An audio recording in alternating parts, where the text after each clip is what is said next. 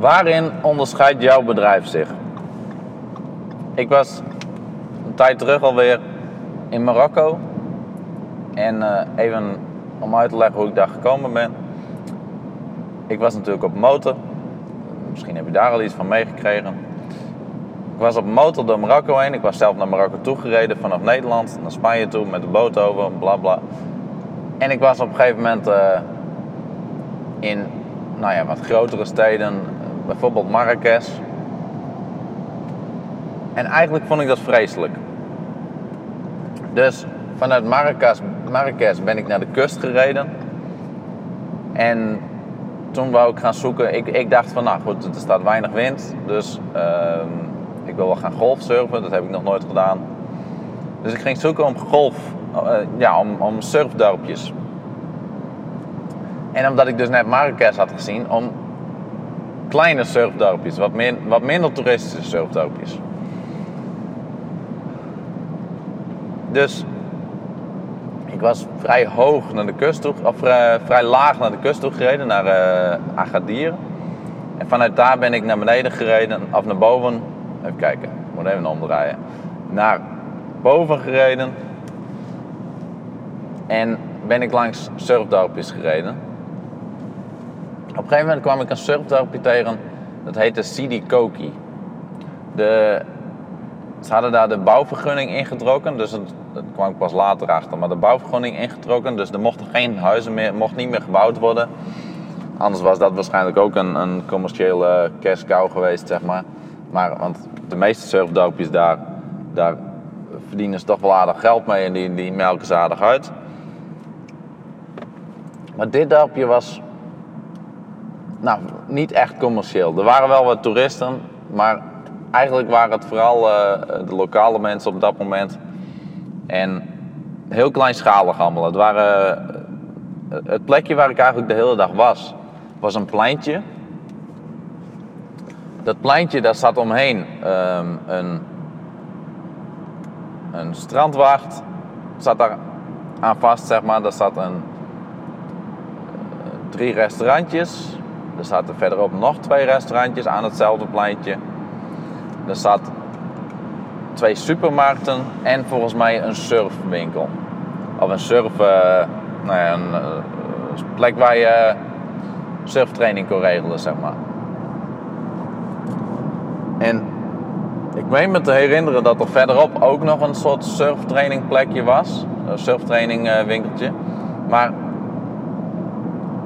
eigenlijk was dat alles. En ik ben s ochtends, zeg maar, toen ik daar de eerste kwam. Ik ben daar trouwens uiteindelijk drie dagen geweest. Ik heb wild gekampeerd, want er, er waren daar twee campings, maar die waren beide gesloten. Um, s ochtends toen ik daar kwam, toen ben ik eerst naar die restaurantjes toe gereden, want ik wou uh, wat thee hebben. Ik dronk daar een hoop uh, muntthee, ik vond het heerlijk. Ik wou wat thee hebben, dus ik kwam daar en ik ben en misschien was het ook wel smiddags trouwens, ik weet het niet eens meer. Maar ik kwam daar en ik ben naar het tweede restaurantje toegelopen dat ik tegenkwam. En het leuke was, de eerste die ik tegenkwam, die mensen die, die vroegen naar mij van, uh, ja wil je hier eten, wat dan ook. En die tweede mensen die vroegen niks, dus eigenlijk gunde ik het die tweede mensen meer. Maar goed, uh, daarin onderscheiden de eerste mensen zich al. Het eerste restaurantje. Maar uiteindelijk bleek dat dat ook het enigste was waar ze in onderscheiden. Want voor de rest waren ze eigenlijk allemaal nou, vrijwel gelijk. De, de alle vijfde restauranten, ik heb er eh, drie vergeleken moet ik zeggen. Die drie die zaten ook naast elkaar. En de, de, de terrasjes waren eigenlijk identiek. De, uh, de, de, de ruimtes, zeg maar, de, de uh, plekken waar zij hun spul kookten waren eigenlijk identiek. De mensen nou, gedragen zich op dezelfde manier. Maar ja, dat dat is trouwens nog vrij logisch natuurlijk.